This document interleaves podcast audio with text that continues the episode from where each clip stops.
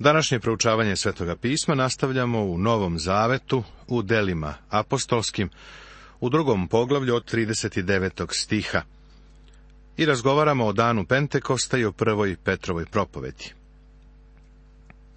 Petar im kaže, pokajte se i krstite se. Krštenje u vodi treba da bude dokaz da su se pokajali, da su prišli Hristu i poverovali u njega. Petar im kaže, neka se svako od vas krsti u ime Isusa Hrista za oproštenje svojih grehova. To će biti dokaz da ste poverovali u njega za oproštenje greha. To činite umjesto da donosite žrtve u hram.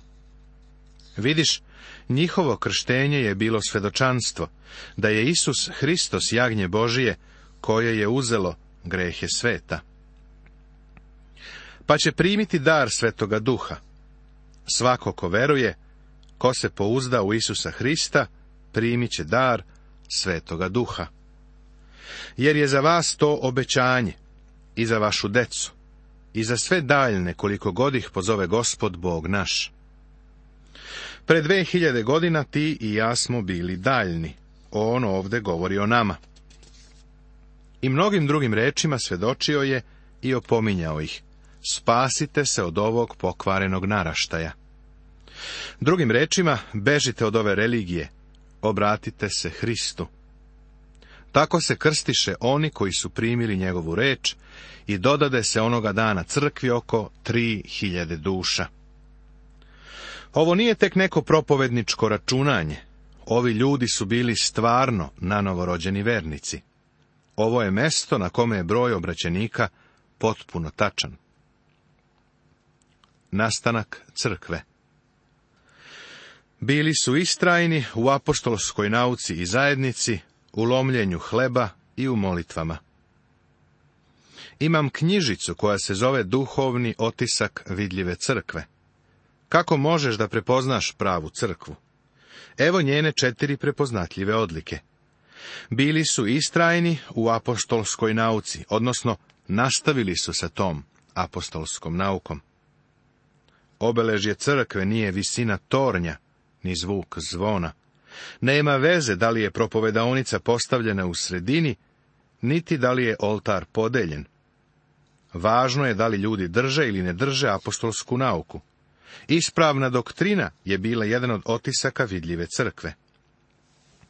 Drugo, zajednica ili zajedništvo. Međusobno su delili ono što je Hristovo. Treće, lomljenje hleba. Lomljenje hleba je više od obreda gospodnje večere. Ono predstavlja dovođenje u zajedništvo i vezu sa Hristom. Četvrto, molitve. Plašim se da je ove odlike malo u današnjim crkvama. Molitva je očigledna slabost crkve. U stvari najveća vrednost crkve je molitva. A strah uđe u svaku dušu, jer su apostoli činili mnoga čudesa i znake. Apostoli su imali dar znaka i čudesa. A svi koji su poverovali, behu zajedno i imali su sve zajedničko. Prodavali su što su stekli i imali, pa su to delili svima, kako je kome bilo potrebno. Svakodnevno su bili stalno i jednodušno u hramu. Lomili su hleb po kućama. Primali su hranu s radošću i prosta srca, hvaleći Boga i uživajući ljubav svega naroda. A gospod je svaki dan dodavao one koji se spasavahu. Crkva nikada nije bila duhovno jaka kao tada. Ovakav način života danas ne bi uspeo, jer ima mnogo telesnih hrišćana. I zapazi, gospod je dodavao nove ljude crkvi. Poglavlje treće Tema Prvo čudo crkve Petrova druga propoved. I dalje smo u prvom delu knjige dela apostolskih, koja nam pokazuje kako gospoda Isusa Hrista na delu duhom svetim kroz apostole u Jerusalimu. Vidjeli smo rođenje crkve na dan Pentekosta, dan koji se ne može ponoviti. Crkva je nastala zato što je sveti duh došao da se nastani u vernicima. Počeo je da prebiva u vernicima i ispunjavao ih je svojom ljubavlju, silom i blagoslovom za službu.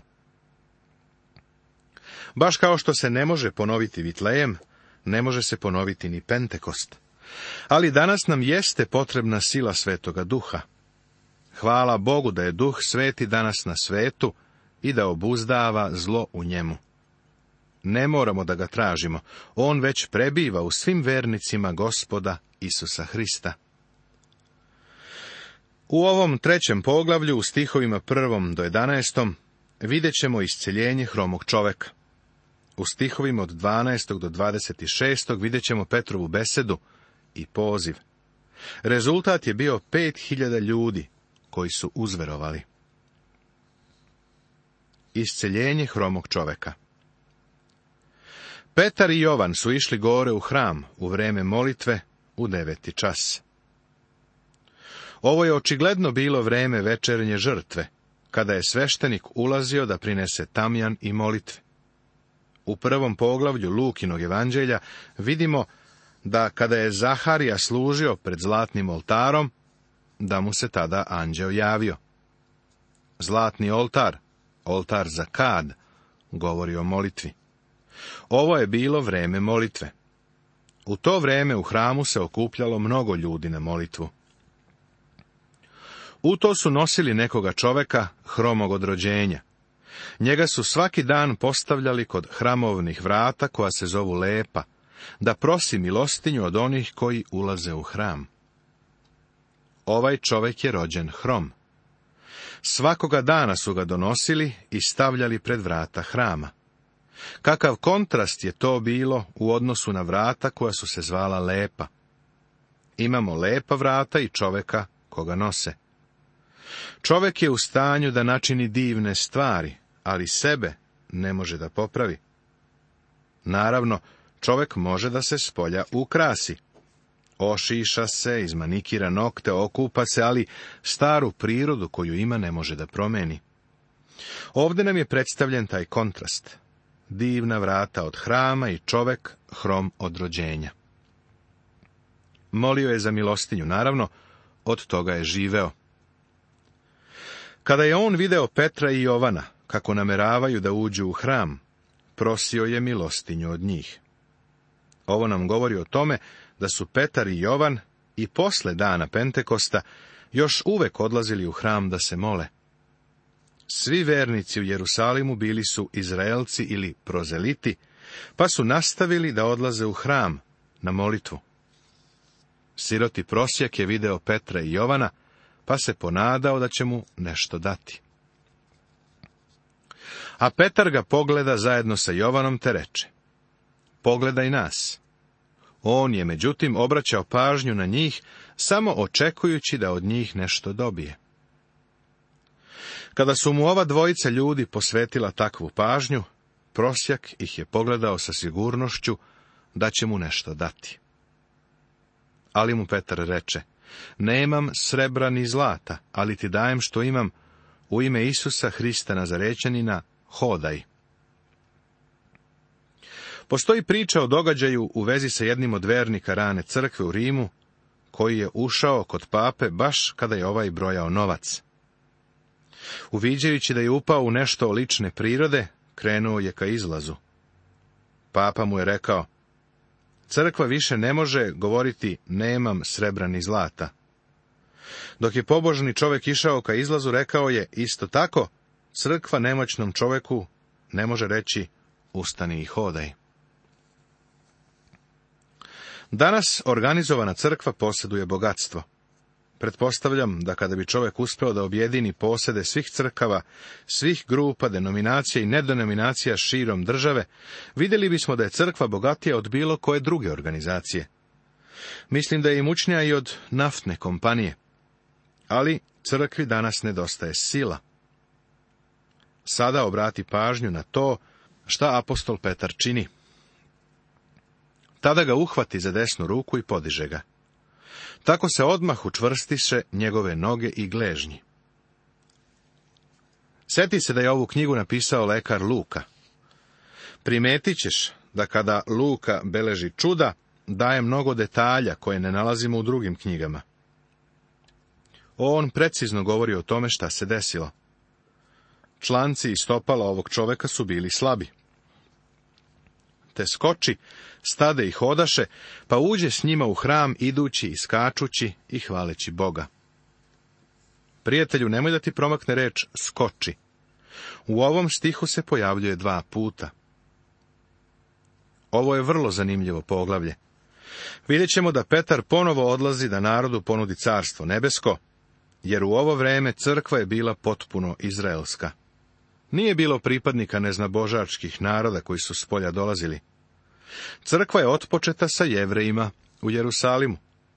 Kasnije će se proširiti do krajeva zemlje, ali ovo sada dešava se u dobu Jerusalima. Ne trudi se da mi kažeš da je ovo još jedna podela, odnosno dispenzacija. Danas imamo hiperdispenzacionaliste, koji ovo nazivaju podelom. Ali ovo je bio samo jedan prelazni period, Gospod je rekao da treba da počnu da idu do krajeva zemlje. Sada se carstvo nebesko ponovo nudi Izraelu. Ovo će biti posljednja prilika. Koje su neke od prepoznatljivih osobina carstva? Pa jedna je od njih da će hromi skakati. Tada će hromi skakati kao jeleni jezik nemoga pevaće, jer će u pustinji provreti vode i potoci u zemlji sasušene, kaže knjiga proroka Isaije, 35. poglavlje, 6. stih. Svaki upućeni Izraelac koji je toga dana išao u hram, divio se ovom hromom čoveku koji skače. Znali su da ovo stvarno može biti početak carstva. Mesija je razapet, vaskrsnuo je iz mrtvih, vazneo se na nebo i seo Bogu sa desne strane. Ako ga prime, on će ponovo doći. Video ga je i sav narod kako ide i hvali Boga. Prepoznali su ga, da je bio taj što je radi milostinje sedeo kod lepih hramovnih vrata i zadiviše se i behu van sebe zbog onoga što mu se dogodilo. Ljudi su ga vidjeli, prepoznali su ga, shvatili su značaj ovog čuda Plašim se da je danas veoma mnogo ljudi koji nisu shvatili značaj ovog zapisa koji nam doktor Luka daje. Ali kako se on držao Petra i Jovana, okupi se sav zaprepašćeni narod oko njih u tremu, koji se zove Solomonov. Da li je ovo početak carstva? U posljednjih nekoliko sedmica u Jerusalimu su se dogodile velike stvari bili su svedoci Hristovog raspeća, njegovog vaskrsenja, vaznesenja i dana Pentekosta. Zadivljeni su. Šta se zaista dešava? Petrova beseda i poziv. Videvši to, Petar obrati se narodu. Ljudi Izraelci, što se čudite ovome ili što gledate na nas, kao da smo svojom silom ili pobožnošću učinili da ovaj hoda. On ne kaže vi ljudi Amerikanci, on se obraća Izraelcima. Prijatelju, ovo je vreme Jerusalima. Ovo je prelazno vreme. Crkva se još nije proširila u neke druge krajeve. Još niko u Rimu o ovome nije čuo. Ni u Americi nisu čuli, ni u Engleskoj. Ovo se dešava u Jerusalimu. Da li bih mogao nešto pažljivo da kažem? Ljudi koji čitaju Bibliju pristupaju joj sa istim zdravim razumom koji koriste kada čitaju druge knjige. Ali ovo je Božja knjiga. Ali ipak nije neka daleka knjiga. Ona se bavi nama baš tu gde jesmo i sve nam saopštava tako da možemo razumjeti. Petar im vrlo pažljivo govori da ovo čudo nisu učinili u svojoj sili. On će jevreje koji ga slušaju da usmeri i uputi na stari zavet. Kazat će im da, ako se obrate Bogu, ova proroštva će se ispuniti. Slušaj neka od proroštava koja su ovi jevreji znali. I izliču na dom Davidovi na stanovnike Jerusalimske duh milosti i molitava, i pogledat će na mene kojega probodoše i plakaće za njim kao za jedincem i tužit će za njim kao za prvencem, kaže knjiga proroka Zaharije 12. poglavlje, 10. stih. Ovo bi se ispunilo ako mu se obrate. Ovo se nije bilo ispunilo, jer narod u to vreme nije prihvatio gospoda Isusa. Ljudi se nisu pokajali, niti su se obratili Hristu. Apostol Petar će ih pozvati da se obrate gospodu Isusu. Oni će to odbiti. Tek treba da nastane vreme u kome će se ovo ispuniti. Prorok Jezekilj je također govorio o carstvu. I duh svoj metnuću u vas i učinit ću da hodite po mojim uredbama i zakone moje da držite i izvršujete. I nastavat ćete u zemlji koju sam dao ocima vašim i bit ćete mi narod i ja ću vam biti Bog. Kaže prorok Jezekilj u 36. poglavlju, 27. i 28. stih. Zapazi da 12. poglavlje knjige proroka Isaije, poglavlje sa samo šest stihova, govori o obožavanju u doba carstva. I reći ću u ono vreme, hvalim te gospode, jer si se bio razgnevio me, pa se obratio gnev tvoj i utešio si me. Gle, Bog je spasenje moje. Uzdaću se i neću se bojati, jer mi je sila i pesma gospod Bog, on mi bi spasitelj. Kaže prorok Isaija u 12. poglavlju prva dva stiha. Kao što smo već spomenuli, Isaija u 35. poglavlju u 6. stihu govori o hromom čoveku koji skače kao jelen. I koje iskupi gospod, vratit će se i doći će u Sion pevajući. I večna će radost biti nad glavom njihovom, dobit će radost i veselje, a žalost i uzdisanje će. Kaže 35. poglavlje 10. stih knjige proroka Isaije. Trebalo je da vide da je ovaj hromi čovek maleni prikaz celog naroda. Samo kad bi hteli da se obrate Bogu, sva ova obećanja bi se ispunila. Bog Avramov, Isakov i Jakovljev, Bog otaca naših, proslavio je svoga sugu Isusa, koga ste vi predali i koga ste se vi odrekli pred Pilatom, kada je odlučio da ga oslobodi. Vi ste se odrekli sveca i pravednika, a molili ste da vam pokloni jednog ubicu. Pa ste ubili začetnika života, koga je Bog vaskrsao iz mrtvih, čemu smo mi svedoci. Ponovo počinje.